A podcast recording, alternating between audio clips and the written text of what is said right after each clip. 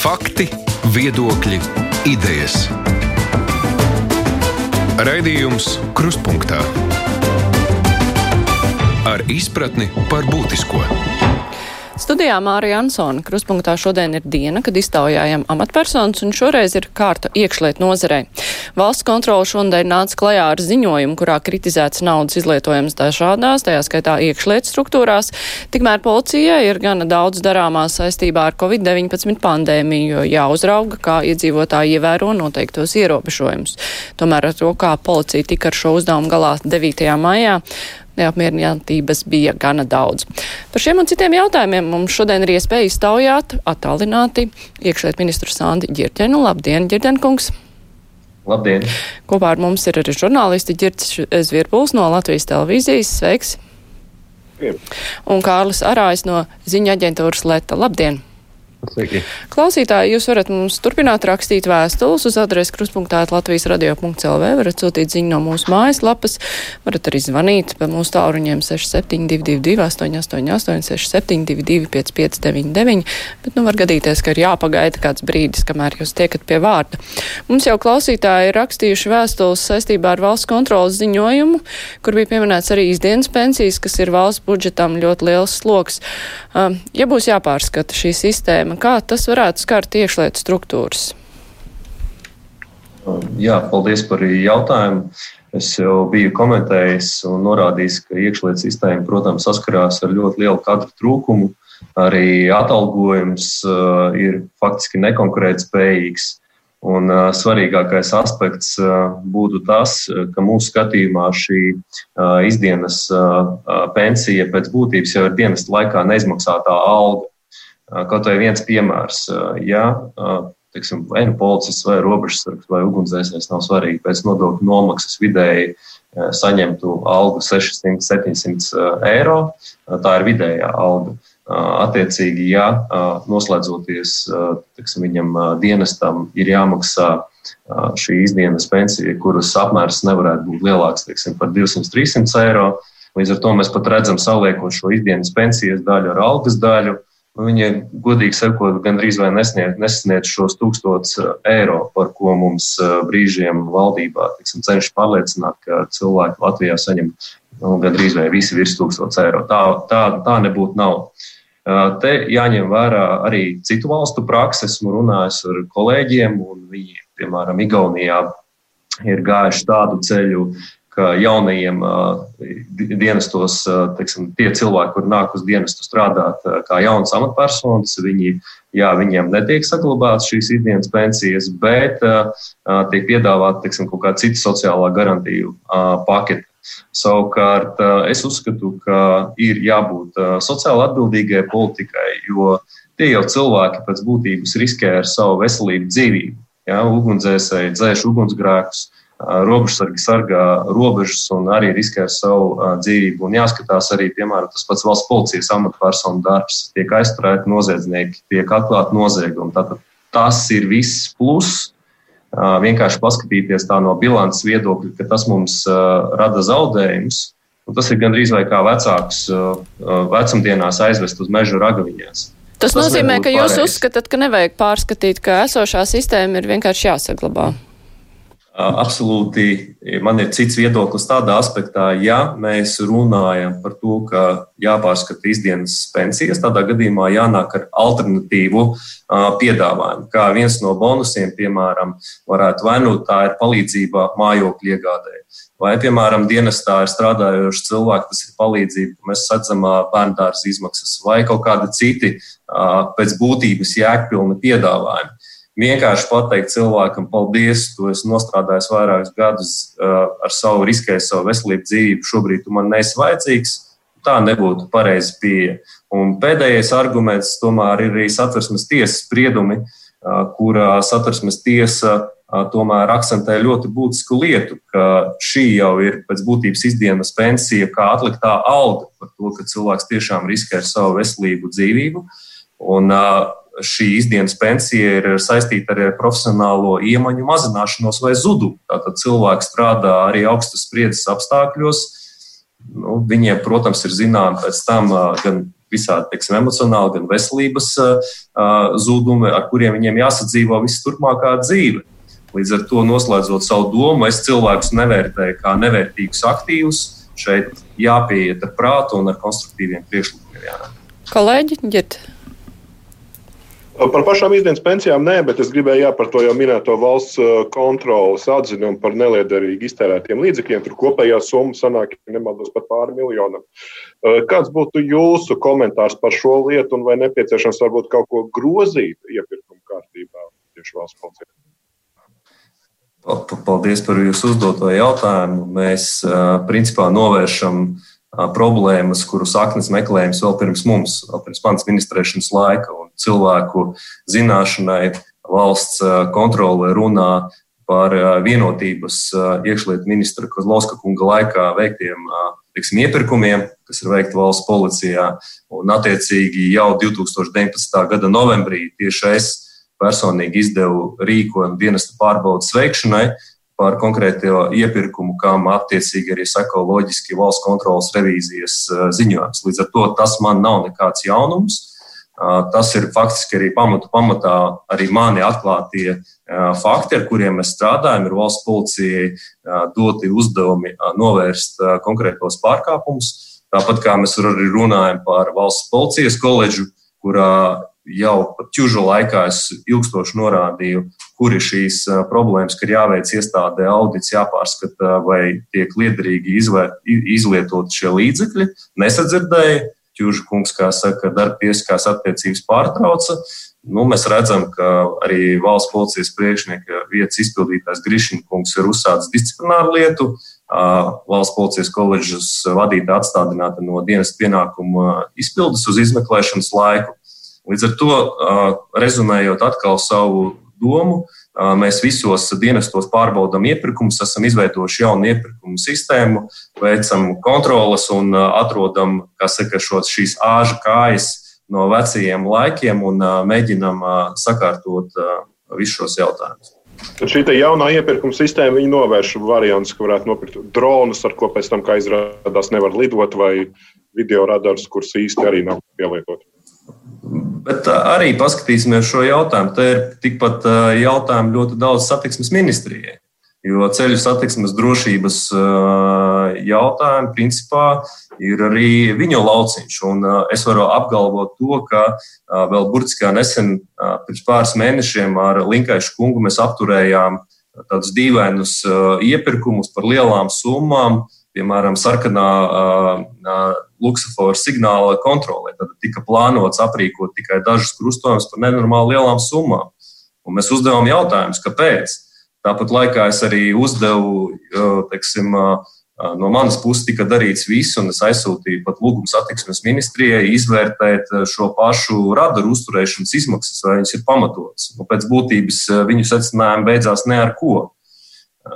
Tā kā uh, Nu, no iekšlietu ministrijas puses un mans birojs strādā diezgan rūpīgi, cītīgi. Mēs pārskatām visu iepirkumu politiku, un arī tagad mēs skatāmies, lai netiktu pirktas uh, nevērtīgas mantas, lai būtu šie iepirkumi caurspīdīgi, tiesiski un uh, atbilstoši likuma prasībām. Kārli. Jā, man būtu jautājums par šodien no iekšējās drošības biroja atnāca secinājums, ka ceļu satiksmes policijas jomā vēl aizvien pastāv diezgan nopietni kukuļošanas riski, un arī policijas ieviestie kontrolas pasākumi nav bijuši efektīvi. Un tad, attiecīgi, man būtu jautājums, ir, kas būtu jādara, lai mazinātu šos riskus, un varbūt ir arī kādas konkrētas amatpersonas, kurām tas būtu bijis jādara, un kuras varbūt to nav vienkārši izdarījušas. Jā, nu, pirmais posms noteikti beidzās, es teicu, ar to, ka bijušais valsts policijas priekšnieks Institūts beidz darba tiesiskās attiecības. Tas ir pirmais posms, jo es ilgstoši gada laikā runāju gan par disciplīnas jautājumiem, par to, ka vēl jābūt lielākiem kontrols pasākumiem, preventīviem pasākumiem. Mēs strādājam kopā ar iekšējās drošības biroju, lai uzlabotu situāciju dienestos, novērst pārkāpumus. Skaidrs, ka šie pārkāpumi vienā dienā nebeigsies. Uh, teiksim, tās amatpersonas, kuras veic noziedzīgas nodarījumus, un mēs viņus atklājam, tad tiek ne tikai atstādināts no amata uzsākti krimināla procesi, Te ir arī ļoti liela daļa par vispār par disciplīnu. Es uzskatu, ka tomēr šī gada laikā tie procesi uzlabojās. Vienā dienā mēs to nevaram izdarīt, jo, ja jūs gribat, lai būtu profesionāli dienesti, tad attiecīgi te ir laika un resursu jautājums. Ja kāds iedomājas, ka mēneša laikā sakārtošu visu sistēmu, kas ir sapūsta 20 gados, nu, tad tas droši vien man būtu grūti. Kaut gan īstenībā esmu izdarījis arī šī gada laikā ļoti daudz. Te ir, protams, arī jautājums, vai valsts kopumā uzskata, ka valsts policijā un citos dienestos ir nepieciešams būtiskas izmaiņas. Pie manis, piemēram, neviens nav tā arī nācis un teica, ziniet, Girģiņa kungs, es jūs atbalstu. Re, kur tātad ir rīcības plāns, kā plānveidīgi pārskatīt atalgojumu, kā nomainīt personālu, kā apmācīt jaunos potenciālos darbiniekus, iesaistīt starptautiskos ekspertus, kas vēl cītīgāk nodarbojas ar apmācības jautājumiem. Ja mēs runājam par kvalitatīvu personāla politiku, tas viss prasa laiku un resursus.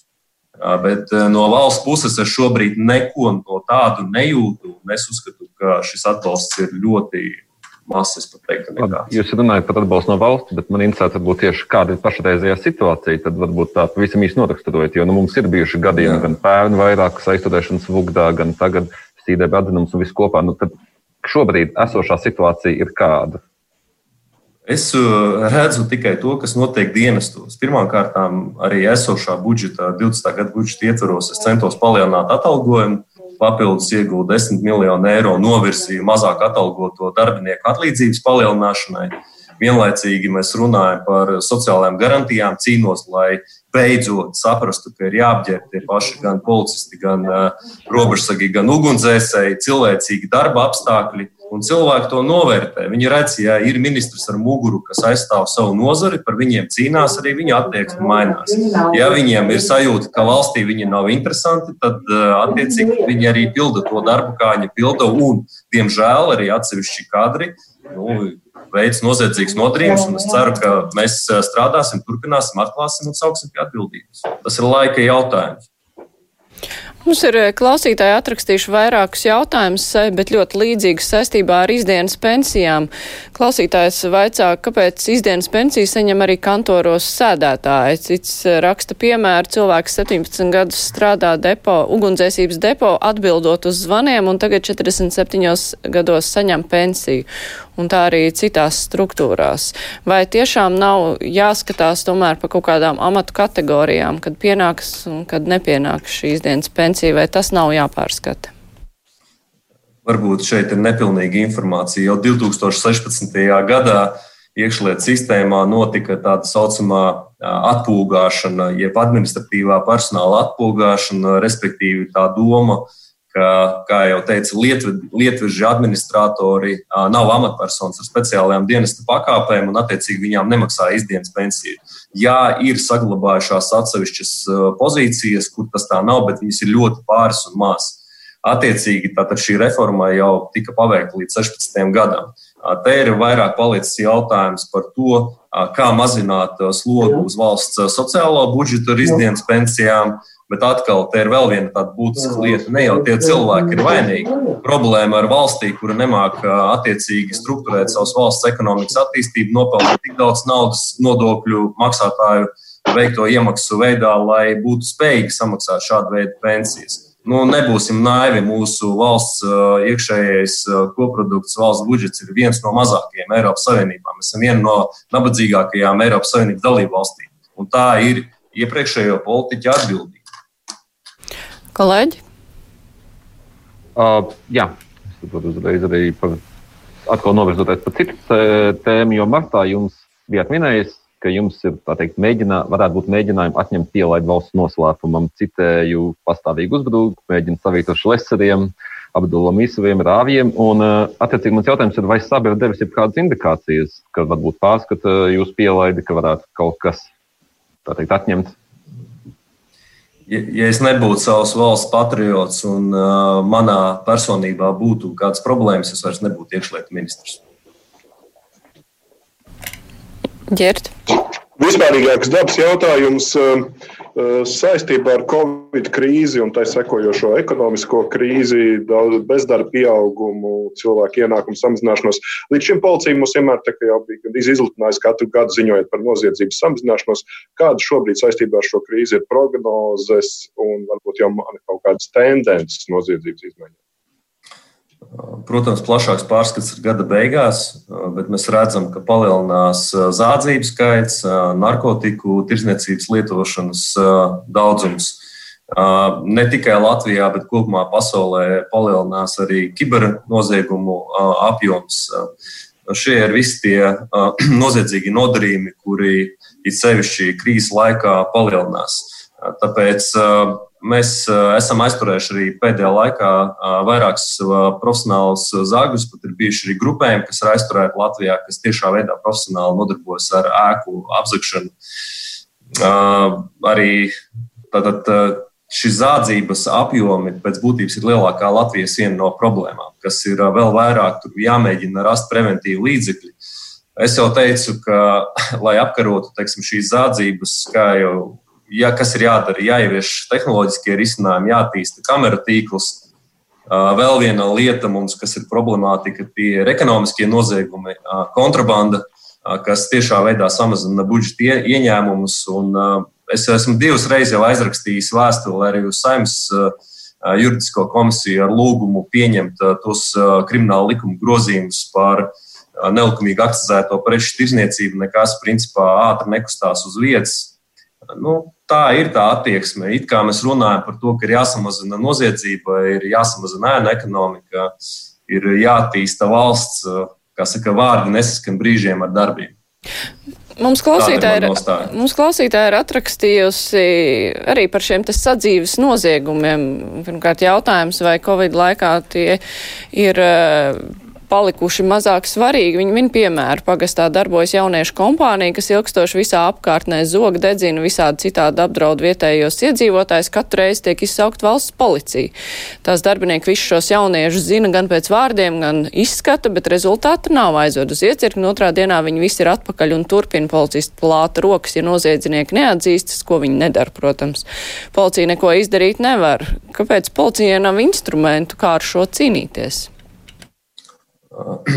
Pirmkārt, ja jūsu rīcībā ir kādas ziņas, ka attiecīgs valsts policijas iecirknis nepilda savus tiešos darba pienākumus, droši griezieties pie mums iekšlietu ministra birojā. Mēs veiksim attiecīgas darbības, būs ziņojums valsts policijas priekšnieku vietas izpildītājiem Grišnakungam, uzsāksim iekšējo pārbaudi. Tas ir numur viens, tāpēc ka mana pozīcija ir bijusi tāda vienmēr, ka drošība ir pakalpojums un šim pakalpojumam ir jābūt kvalitatīvam.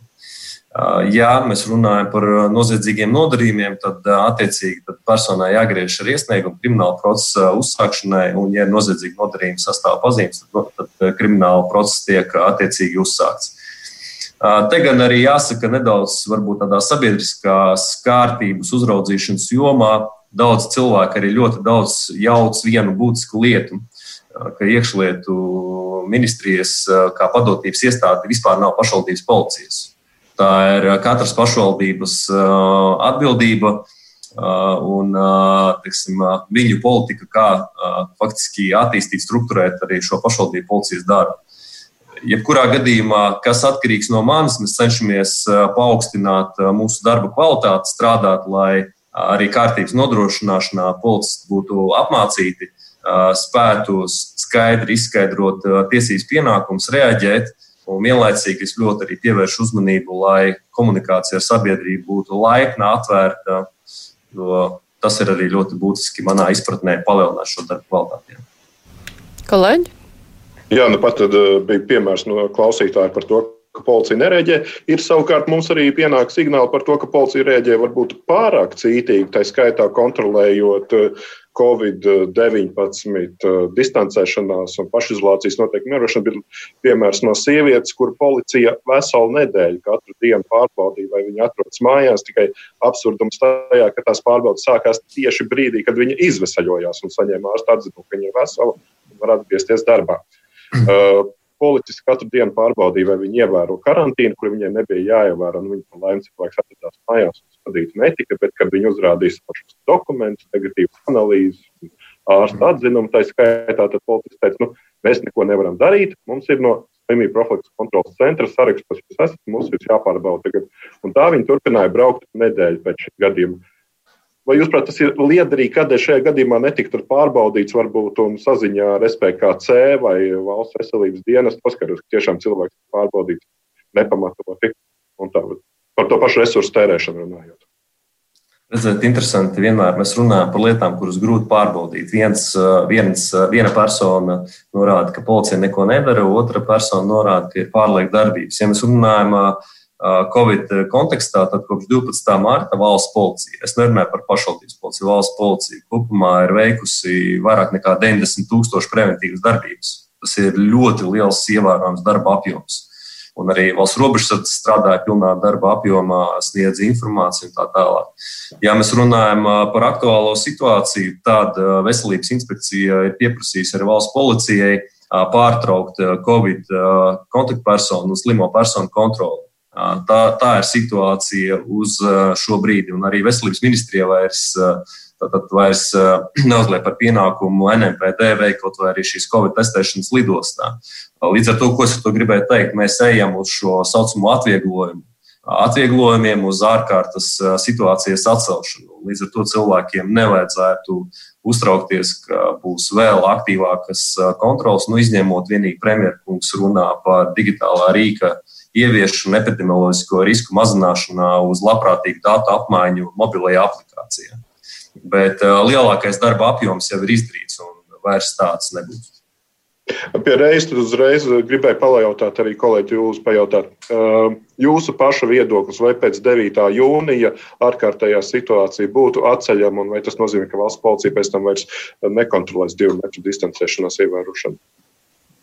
Es domāju, ka pēc 9. māja turpināsies nu, teiksim, cilvēkiem uzliktais pienākums pašiem ievērot divu metru distanci. Tas, tas, tas noteikti turpināsies, bet mans personīgais viedoklis ir, ka, jā, ka ārkārtas situācija ir jāceļ. Cilvēki ir noguruši no šiem ierobežojumiem, un jebkurā gadījumā mēs jau neesam totalitāra policiska valsts.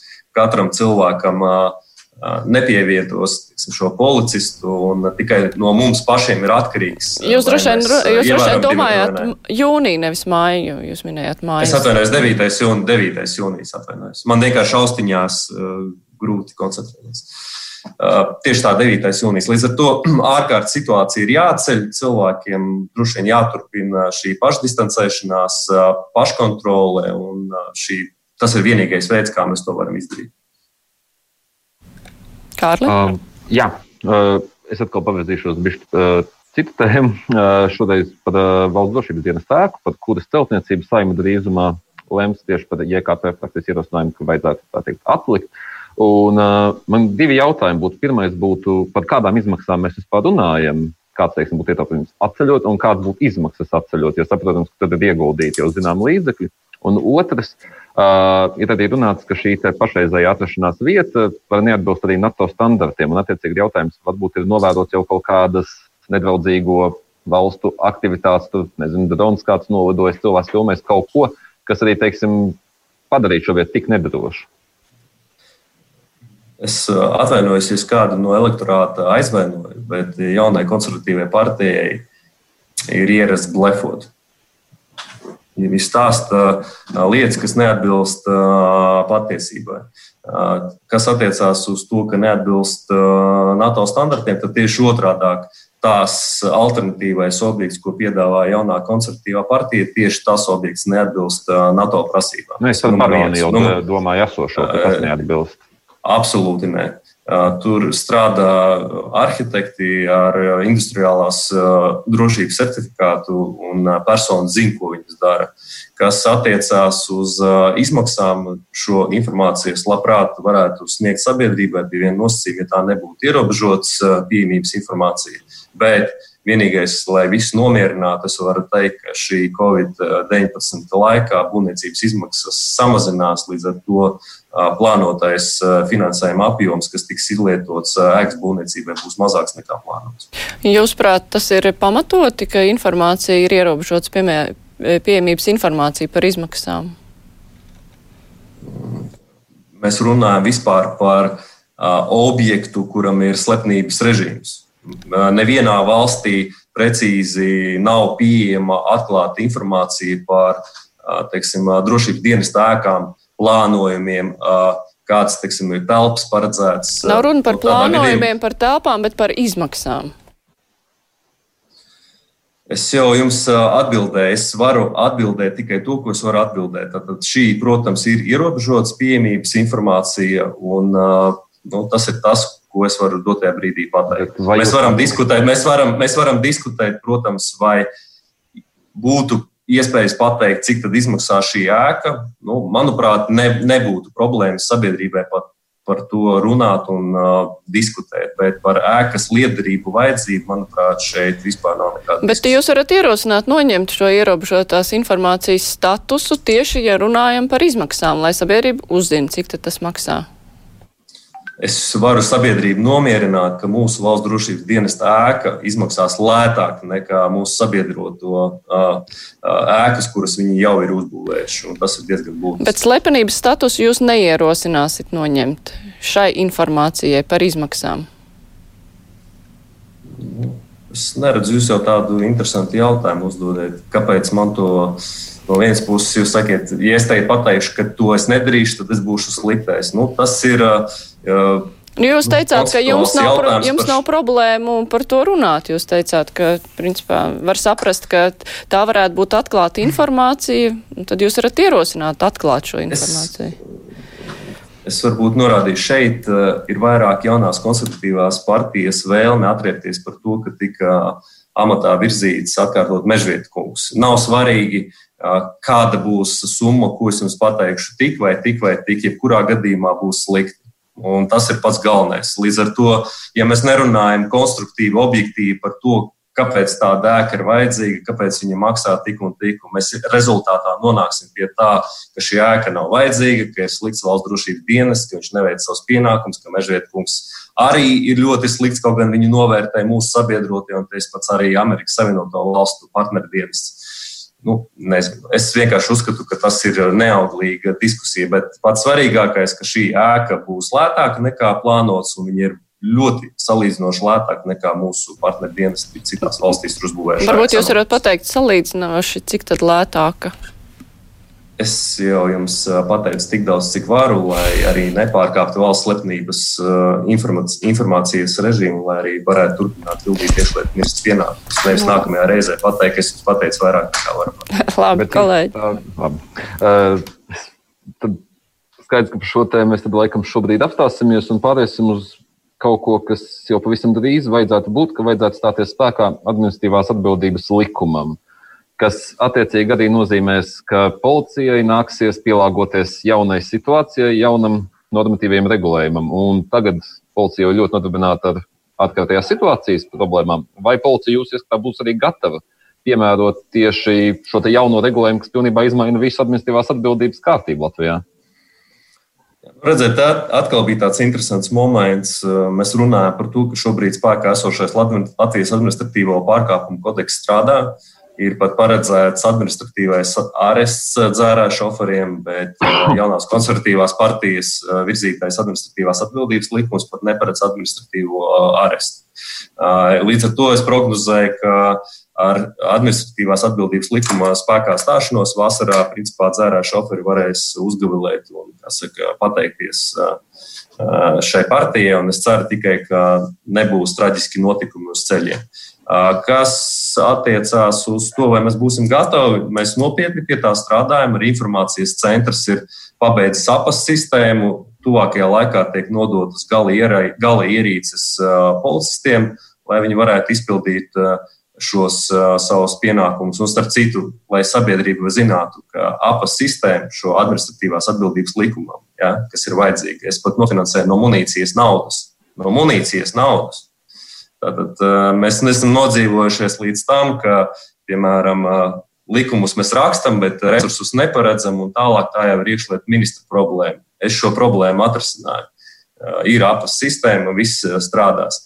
Nu, no tāda praktiskā viedokļa, es, protams, būtu priecīgs, ja cilvēki būtu vēl vairāk apmācīti, būtu vairāk laiks, bet skatīsimies, ja pagarinās termiņu šī likuma spēkā stāšanās vajadzībām, es ceru, ka pagarinās. Ja nē, jebkurā gadījumā mums ir jābūt gataviem strādāt arī šī likuma ietvaros. Es gribētu atgādināt klausītājiem un Latvijas televīzijas skatītājiem, ka šodien mums ir saruna ar iekšlietu ministru Sandri, Sandi Ģirģenu, un kopā ar mums ir arī žurnālists Ģirds Virbuls no Latvijas televīzijas un Kārlis Arājs no ziņa aģentūras Leta. Raidījums Krustpunktā. Mums ir diezgan daudz vēstules saistībā ar 9. māju. Es vienu tādu spilgtāku nolasīšu, kad eh, ģirģents atvainosies tautai par policijas nespēju 9. maijā aizsargāt sabiedrību no Covid-19 infekcijas draudiem, un kad viņš atkāpsies no amata dēļ apliecinātas ilgstošas nespējas uzlabot policijas kvalitāti un kompetenci. Arī premjers īsti nebija apmierināts ar jūsu paskaidrojumu. Viņš teica, ka jums eh, bija skaidrāk jāizklāst sabiedrībai par noteiktajiem ierobežojumiem. Vai jūs piekrītat premjeram šai ziņā, ka varēja darīt labāk? Pirmkārt, es esmu, esmu savs valsts patriots. Un, uh, atšķirībā no dažiem citiem, uh, man nav politiskas intereses šķelt uh, sabiedrību. Uh, Tieši pretēji esmu par to, lai tauta saliedētos, attīstītu valsti, domātu par labklājību. Un ir viena dzīvē tāds novērojums. Tad, kad kāds sarīda parasti kā vienmēr savu tautu savā starpā, tad kāds maliņā uz tā visu pelna. Un tāds ir bijis vienmēr. Un arī zvejo balsis nākamajām vēlēšanām. Absolūti nē. Un, starp citu, ja cilvēki vēlas, tie, kuri tiešām vēlas lasīt, domāt, kritiski domāt, nevis tā pieņemt emocionālus lēmumus un saprast manu domu gājienu, Es jums ieteiktu sociālajos tīklos atrast tādu interesantu interviju no Ukrāņu žurnālista Dmitrija Gordona, kurš burtiski nesen intervēja šo Ukrainas austrumos karojošo pro-kremlisko bruņoto vienību komandieri, kas vienlaicīgi bija arī Krievijas prezidents darbinieks Igors Girkins, kuru vaino arī šīs Malaisijas pasažieru reisu not, lidmašīnas notriekšanā virs Ukrainas. Viņš precīzi izstāstīja to situāciju, kāda bija teiksim, situācija Ukrainā, kad pie varas ir oligarhi, kuriem interesē tikai pelnīt uz valsts un iedzīvotāju rēķina, sarīdīt viņus, kad vienlaicīgi savā starpā naidojās tie paši Ukraiņi un Krievi. Un tas sekmēja to, ka attiecīgi teiksim, separātisti iegāja Ukraiņas teritorijā, sākās militārs konflikts, kā rezultātā Ukraina zaudēja Lugansku un Doņetsku. Pagaid, es mēģinu no tā saprast, jā. Ja jūs varat tad, pateikt atbildi uz jautājumu, tas... vai jūsuprāt jūs izdarījāt labāko preventīvi, lai nenotiktu tas, kas tur notika? Un, un tagad, mēs, tagad mēs pāriesim pie preventīvām darbībām, par, par kuru neviens nerunā. Pirmkārt, tā bija 75.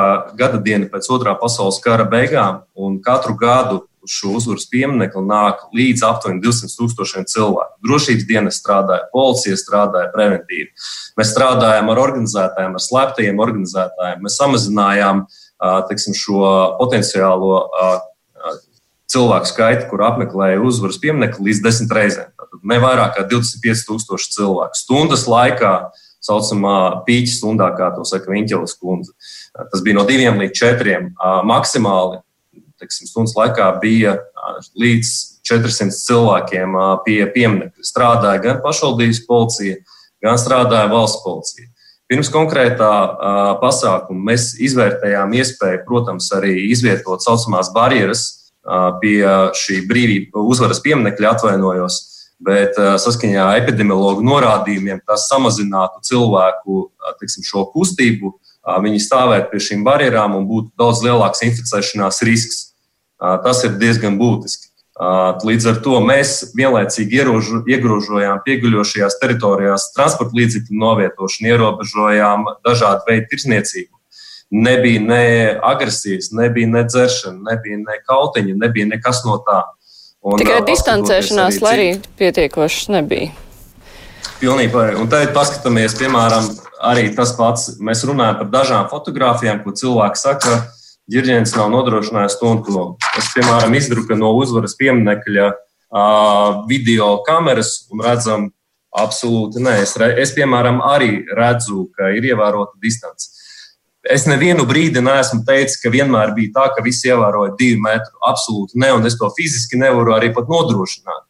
Arī ne tajā laika periodā, kad cilvēki brauc uz salkrastiem, jūrmalu, uz meža parku, dara citas aktivitātes, paskatieties, kas tirzniecības centros notiek. Līdz ar to mēs mēģinājām darīt labāko darbu. Tas bija mums izaicinājums. Ja prasa man personīgi, mums bija arī svētdien pēc 9. māja sapulce ar valsts policijas vadību Mēs pārunājām arī atsevišķus momentus, kurus varējām izdarīt labāk, bet es šeit publiski tos eh, nediskutēšu, tāpēc ka tā ir mūsu iekšējā informācija. Es atzīstu, ka daudzas lietas vienmēr var izdarīt labāk. Bet ir viena būtiska lieta, tas pats arī no premjeras punkta. Es nezinu, varbūt tas nepatiks, bet uh, iekšliet, es kā iekšlietu ministrs vairāk kā gada laikā pie premjera kunga esmu bijis labi ja stundu. Labi ja stundu valstī, ko es ar to gribēju teikt. Man liekas, ka, ja mēs rūpējamies par valsts iekšējo drošību, valsts ārējo drošību, tad nereiz, ne, neretāk, vismaz kā reizi nedēļā, vai, vai, vai neretāk kā reizi divās nedēļās, iekšlietu ministram ir jāiet pie premjera atskaitīties par drošības situāciju valstī un jāsniedz atskaiti. Es pats personīgi vairākas reizes lūdzies, lūdzu, pieņemiet mani, pārunāsim par iekšējās drošības jautājumu, pārunāsim, kā uzlabot situāciju. Premjeras jūs nepieņem. Kā saģēt cilvēku. Nu, tāda ir reālā situācija. Nu, labi, tāda kolēģi. Tiešām ir jā. reālā mhm, situācija. Mm -hmm, kolēģi, ģirt. Šiem pašiem 9. māja pasākumiem tur pretinīgi viedokļi un kritika ir bijusi ne tikai no koalīcijas partneriem vai sabiedrības locekļiem, bet arī jūsu pašu biroja pārstāvs, jūsu padomnieks Māris Gulbis pēc 9. māja publiski kritizēja policijas darbu par to, ka nav izmantotas poļu kontrolē barjeras, un pat izteicās, ka, lai policija vispār uh, nokļūtu pie pozitīvām pārmaiņām, nepieciešams nomainīt ap 50 vadošās policijas amatpersonas. Tas ir jūsu padomnieks Mārcis Gulbis, viņa vārdi. Vai viņš ar šiem padomiem gājis arī pie jums, un vai jūs tam piekrītat? Redziet, atšķirībā no varbūt citiem, kurus raust ar striķīšiem un ietekmē viņu lēmumus, un cilvēks, kura lēmumus neietekmē kaut kāda teiksim, personas no malas. Tas neatiecās uz Gulbi kungu. Es vienkārši jums ieskicēju to fonu. Mēs sazvanījāmies ar Gulbi kungu. Uh, Mēs pārunājām šos jautājumus, un viņam izstāstīju, ka arī šis barjeru jautājums tika izskatīts. Mēs vērtējām, ka viņu ir iespējams nu, teiksim, izvietot, bet tādā gadījumā sāksies citas problēmas. Potenciālā agresija, potenciālai provokātori, potenciāli epidemioloģiskie riski. Līdz ar to skaidrs, ka mēs atteicāmies no šāda veida risinājuma. Otrais būtiskais apstākļus. Paskatīsimies tagad, kas Rīgā 90% nodrošina sabiedrisko kārtību. Arī pašvaldības policija. Nu, mēs redzam, ka Rīgas domē faktiski bijusī valdība ir, nu, teiksim, politiķi ir nomainīti, strādā administrācija. Nu, ja kādam politiskiem spēkam likās, ka viņam būtu, viņš būtu izdarījis vairāk, nu, es saprotu, ka tas ir attīstības pāri jautājums. Nu, tad bija jāzvana Rīgas domas pagaidu administratoram un jāsaka, lūdzu, mēs nodrošināsim vairāk pašvaldības policijas cilvēku tajā vietā. Bet es varu apgalvot, ka viņi izdarīja arī ļoti labu darbu. Mēs visi kopā strādājam pie tām. Mēs uzsākām vairākas administratīvās lietvedības, vairāk desmit administratīvo protokolu ir sastādīti. Mēs aizturējām personas, kuras atklāti pārkāpj šos noteikumus un izdara administratīvos pārkāpumus. Tāpat arī Daugopilī eh, Rezeknē ir uzsākti administratīvie procesi. Eh, mīļie cilvēki, es, eh, es saprotu, ka mēs domājam par pašdistancēšanos tam līdzīgi, bet būsim atklāti. Daudzi vienkārši cenšas nu, tā, izraisīt kārtējo reizi naidu, konfliktu. Un, uh, no politiķu puses es teiktu, ka tas bija vairāk tāds mēģinājums, iespējams, atkal ietekmēt valdības stabilitāti, izstumt uh, KPVLV no valdības. Es nezinu, man, tie ir mani, mani pieņēmumi no savas puses un savu resoru puses. Es varu pateikt paldies visiem, gan pašvaldības policistiem, gan valsts policijas darbiniekiem, gan valsts drošības dienestiem par profesionāli paveikto darbu. Tās lietas, kuras ir uzlabojamas, mēs noteikti uzlabosim. Kolēģi Kārli? Jā, man kontekstā ar ģirti jautājumu arī atsaucoties uz Gulbija kunga citātu par 50 augstām amatpersonām. Vai jums pašam ir teiksim, saraksts vai galvā cilvēki, augstas iekšlietu resorta amatpersonas, kurām varbūt nevajadzētu atrasties amatos, kur viņas atrodas, kuras varbūt kuru darbību jūs neapmierina? Šis ir iekšējās drošības biroja kompetences jautājums un arī valsts drošības dienesta kompetences jautājums, jo viņi arī pielaides pie valsts noslēpuma. Es pieprasīju personīgi, vai jums kaut kas, kas neapmierina? Es redzēju, ja jūs paskatīsiet, paskatīsieties politiskos procesus, kad atnāk kāds politiķis, pasakā, jūs man nepatīkiet, es gribu nomainīt visu. Es neesmu tāds cilvēks Ja kādai personai, amatpersonai ir jāatstāj savi pienākumi, tas ir tikai tāpēc, ka viņi nespēj pildīt savus pienākumus, viņš, viņam nepietiek nezinu, profesionālās kvalitātes, vai viņš ir noguris, vai vairs nav darba rezultātu, vai arī drošības riski, kas attiecās uz dažādiem drošības riskiem vai persona, piemēram, tur veids noziedzīgas nodarījumus vai nē, tas ir operatīvās darbības jautājums, un to attiecīgi veids dienesti. Es nevaru izpildīt viņu vietā funkcijas. Ja man nonāk informācija, ka, protams, ir kaut kāda zināma riska, tad es pieņemu lēmumus. Ja ir amatpersona veids, piemēram, noziedzīgu nodarījumu, tad uzsāk kriminālu procesu, viņa atstādina no dienesta pienākumu izpildes. Tā amatpersona, kur nevēlas vairs strādāt, viņa sajūt, ka vairs nevar, negrib vai citi apstākļi, viņa pati uzraksta iesniegumu un dodas projām. Bet tas, ko es noteikti varu pateikt, jā, ir nepieciešama jauna kadru politika, ir jāmēģina audzināt jauni kadri, patriotiski, savas valsts patrioti, kvalificēti, gudri, ar zināšanām, kas spēj domāt eh, kritiski un spēj ātri pieņemt lēmumus un sniegt arī pozitīvu rezultātu savai valstī. Tā Mums. Klausītājs raksta, ministrs bieži savā runā saka, ka valsts atbalsts ir nepietiekošs. Kas ir tā valsts vai ministrs nepārstāv valsti, kuram onkulim tas ir jādara? Vai arī vēl viens citāts nesaprot, kas tā ir par valsti, pie, kā, kas, kura pie jums nav atnākusi ar plānu, kā uzlabot policijas darbu? Jā, tad, tad visas iniciatīvas tiek iesniegtas valsts budžeta plānošanas periodā. Esmu iesniedzis iniciatīvas gan uz infrastruktūras uzlabošanu, gan uz atalgojumu palielināšanu, gan arī, lai apģērbtu tos pašus policistus, robežsargus, ugunsdzēsējus. Tas viss bija iesniegts. Nekas no tā principā nav atbalstīts. Izņēmums bija 10 miljonu piemaksa nu, teiksim, 20. gada budžetā, lai attiecīgi varētu palielināt zemāk atalgotu amatpersonu atalgojumu. Būtiskajās lietās iekšējā drošība netiek stiprināta. Un uh, lēmumus pieņem nevis iekšlietu ministrs vienpersonis, es domāju par naudas sadali. Tas ir uh, koalīcijas jautājums. Uh, ir piecas politiskās partijas, katra droši vien cīnās par savu nozari.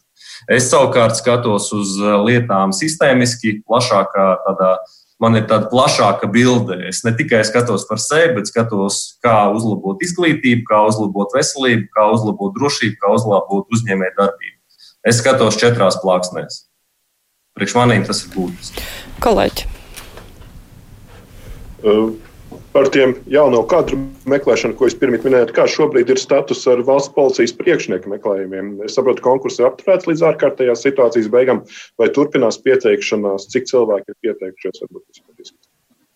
Ja, ņemot vērā, ka valsts policija ir ievērojams darbā apjoms, arī gan kārtības nodrošināšanā, gan arī turpinās tekošie pienākumi, tad mēs tieši pieņēmām lēmumu uz ārkārtas situācijas stāvokli apturēt konkursu. Ja 9. jūnijā tiks eh, pieņemts lēmums par ārkārtas situācijas atcelšanu, mēs noteiksim jaunu datumu, līdz kuram var iesniegt pieteikumu, eh, ieskaitot arī valsts policijas attīstības koncepciju. Eh, un es pieļauju domu, ka tas varētu notikt līdz 1. jūlijam. Cik šobrīd mēs, ir? Mēs, mēs, mēs, mēs katrā ziņā savā birojā plānojam, ka varētu, nu, varētu noteikt, kā termiņu 1. jūlijā, līdz kuram ir jāiesniedz no jauna tiksim, šie pieteikumi un attīstības koncepcija. Tad tiem, kas jau bija iesnieguši, tiem būs jāsniedz tagad no jauna. Neviens sakarā ar ārkārtas situāciju, neviens arī nebija iesniedzis.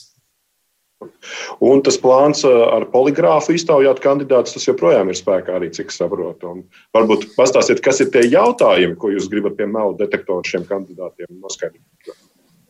Jā, nu, redziet, paldies arī par jūsu uzdoto jautājumu. Mēs Latvijā šī ziņā neesam nekādā veidā unikāla valsts. Poligrāfs kā tāds netiek izmantots viens pats par sevi, lai pieķertu personu melos. Poligrāfs fiksē personas nu, tā, teiksim, dažādas emocijas, ir fizioloģiskās izmaiņas, tad brīdī, kad viņam tiek uzdots jautājumu kopums. Attiecīgi, jautājums arī sastāda eksperts, un tā ir teiksim, kompleksā tāda, psiholoģiskā pārbauda. Vienlaicīgi mēs esam piesaistījuši, nu, piesaistīsim atbilstoši konkursu nolikumam saucamo personāla kompāniju, kura pārbauda arī topošā valsts policijas priekšnieku kompetenci. Poligrāfs kā tāds netiek izmantots pret visām amatpersonām. Mēs runājam tikai par to potenciālā valsts policijas priekšnieku, kura kompetence būs visatbilstošākā tiksim, valsts policijas priekšnieka amata pienākumu izpildē. Tā kā arī šeit publiskajā vidē cirkulē tādas puspatiesības, kas nu, īsti neatbilst tiešām faktiskiem apstākļiem. Kārli. Jā, atkal mainīsim tēmu un aiziesim atpakaļ pie Covid. Un tieši ārkārtējo situāciju, kur bija par pašizolāciju, bija daudziem centās cilvēki ievērot, un daudz kur pasaulē izskanēja bažas, ka varētu pieaugt vardarbība ģimenē saistībā ar šo te faktu, ka cilvēks spiest pavadīt ļoti daudz laika kopā un arī vardarbīgās ģimenes. Un tas bija vaicāt, vai policijā ir novērots pieaugums vai arī tieši otrādi samazinājums šajos ziņojumos par vardarbību ģimenēs, un vai tiek veikta kaut kādas preventīvas darbības, lai, teiksim, ģimenes, kas atrodas riska grupā, uz šo vardarbību tiktu kaut kādā veidā uzraudzīts, pasargāti upuri? Jā, šī ir problēma. Mēs uzskatām, ka vardarbības līmenis pieaug ne tik būtiski, bet viņam ir tendence paaugstināties, kas attiecās, ko mēs darām vēl paralēli valsts policijai. Tad man kā iekšlietu ministra birojā ir atbildīgā persona, kur virza likuma izmaiņas, uzlabojums attiecībā uz vardarbības novēršanu tiksim, arī šī ģimenē. Tas ir arī likumdošanas jautājums, bet mēs veicam arī preventīvas darbības. Valsts policija atbilstoši reaģē uz izsaukumiem, nu, ikdienas kārtībā strādā un pilda savus pienākumus. Mēs cenšamies darīt savu darbu pēc labākās sirdsapziņas, un valsts policija arī šī kategorija lietā izdara ļoti ievērojamu darbu apjomu. Mums klausītāja raksta tā, tikko pagastā valsts policijas darbinieki aizturēja jaunieti, kurš bija mēģinājis aizdzīt automašīnu, puisi aizved uz iedzirkni, viņš samelojās, ka ir slims ar covid. Rezultātā policistiem ierosināt disciplināru lietu, kāpēc jūs te atvedāt noziedznieku, kuram aizdomas par covid. Vai ir skaidra kārtība, kā policistiem jārīkojas, ja aizbraucot aizturēt noziedznieku, viņš paziņo, ka ir slims ar covid-19? Jā, nu, protams, te ir divi aspekti. Pirmais, ja kāda persona paziņo, ka saskarē ar policiju ir potenciāli inficēts ar COVID-19, tiek izsaukta neatliekamā medicīniskā palīdzības dienests, kas attiecīgi veic savas darbības no medicīnas viedokļa. Ja tiksim, apstiprinās, ka ir tiksim, šis COVID-19 gadījums, tādā gadījumā arī policistiem tiek veiktas, kas saka, caur zaļo koridoru šīs pātrinātās, pār, pātrinātie testi, lai noskaidrotu, vai, vai, vai dienas esoša amatpersona ir inficējusies vai nav. Pēc pēdējiem datiem šodien operatīvajā sapulcē vairāk vai mazāk visi dienesti ir izvairījušies no šiem inficēšanās riskiem, visi ir kārtībā strādājumi. Bet vai policistiem ir kaut kāda aizsarga līdzekļa, jo, ja pieņemam, ka ir kāds agresīvs cilvēks, kurš pasaka, ka viņam ir covid-19, viņi jau nevar tā vienkārši atdot mediķiem, viņš ir jāsavalda, vai policistiem tas ir droši? Mums ir dots uzstādījums arī nodrošinājuma valsts aģentūra uztur uh, iestāžu uh, individuālās aizsardzības līdzekļu līmeni, lai tā, lai viss būtu kārtībā uz vidēji trim nedēļām. Uh, mēs esam iepirkuši nepieciešamo uh, individuālās aizsardzības līdzekļu daudzumu, amatpersonas, kuras strādā, pilda tiešos pienākumus un ir potenciālā saskarē ar tiksim, šiem Covid gadījumiem, viņi, viņu rīcībā ir šie individuālās aizsardzības līdzekļi. Bet, kā jau minēju, ja ir saskare ar potenciālo personu, tad attiecīgi nu, tur iesaistās gan mediķi, gan arī tiek veikts analīzes. Ir arī maskas izdalītas, ir cimdi izdalīti, ir arī tādiem gadījumiem, kad brauc pie šiem, šīm pašām personām arī kombināciju izdalīt. Tā kā mēs esam pilnībā nodrošināti. Tiešām visiem jau policisti ir rakstījuši un sūdzējušies, ka viņiem nav. Tagad visiem ir un piemaksas um, arī nesot. Par piemaksām absolūti nē. Tas bija arī mana iniciatīva panākt valdībā. Paldies, ka kolēģi ka apstiprināja šīs 20% piemaksas pie darba alga par tiešiem pienākumiem Covid pandēmijas mazināšanā. Arī valsts policija ir izdevusi pavēli izmaksāt šīs piemaksas līdz pat 7%. Jāsaka, gan, ka daudzi cilvēki nesaprot, un mēs skaidrojam saviem darbiniekiem, ka tā ir piemaksa nevis vienkārši tāpēc, ka tu dari un ir risks, bet tieši tāpēc, ka, piemēram, jūs brauciet izsaukumā, pārbaudiet šīs kontaktpersonas vai COVID-19 slimnieku personas, tas ir tieši saskara potenciāli ar šīm personām. Piemaksas jautājumi ir atrisināti, nauda ir, nauda ir piešķirta, neredzu nekādu veidu problēmas. Mēs esam izdarījuši visu, kas no mums. Un arī aizsardz līdzekļi ir šobrīd visiem, jūs varat apgalvot tā. Atšķirībā no kopējās situācijas valstī, ja mēs ņemam, tad mums dienestos viss ir kārtībā. Kā jau teicu, nodrošinājuma valsts aģentūra uztur individuālas aizsardzības līdzekļu apjomu trīs nedēļu apmērā. Arī dienesti ir iepirkuši. Mēs nenodrošinām pilnībā visus, un tas nav vajadzīgs. Mēs diferencējam riskus, izsniedzam tikai tiem, kuriem ir potenciāli riski un tie, kuri veic šos pienākumus šie Covid-19 riska apstākļos.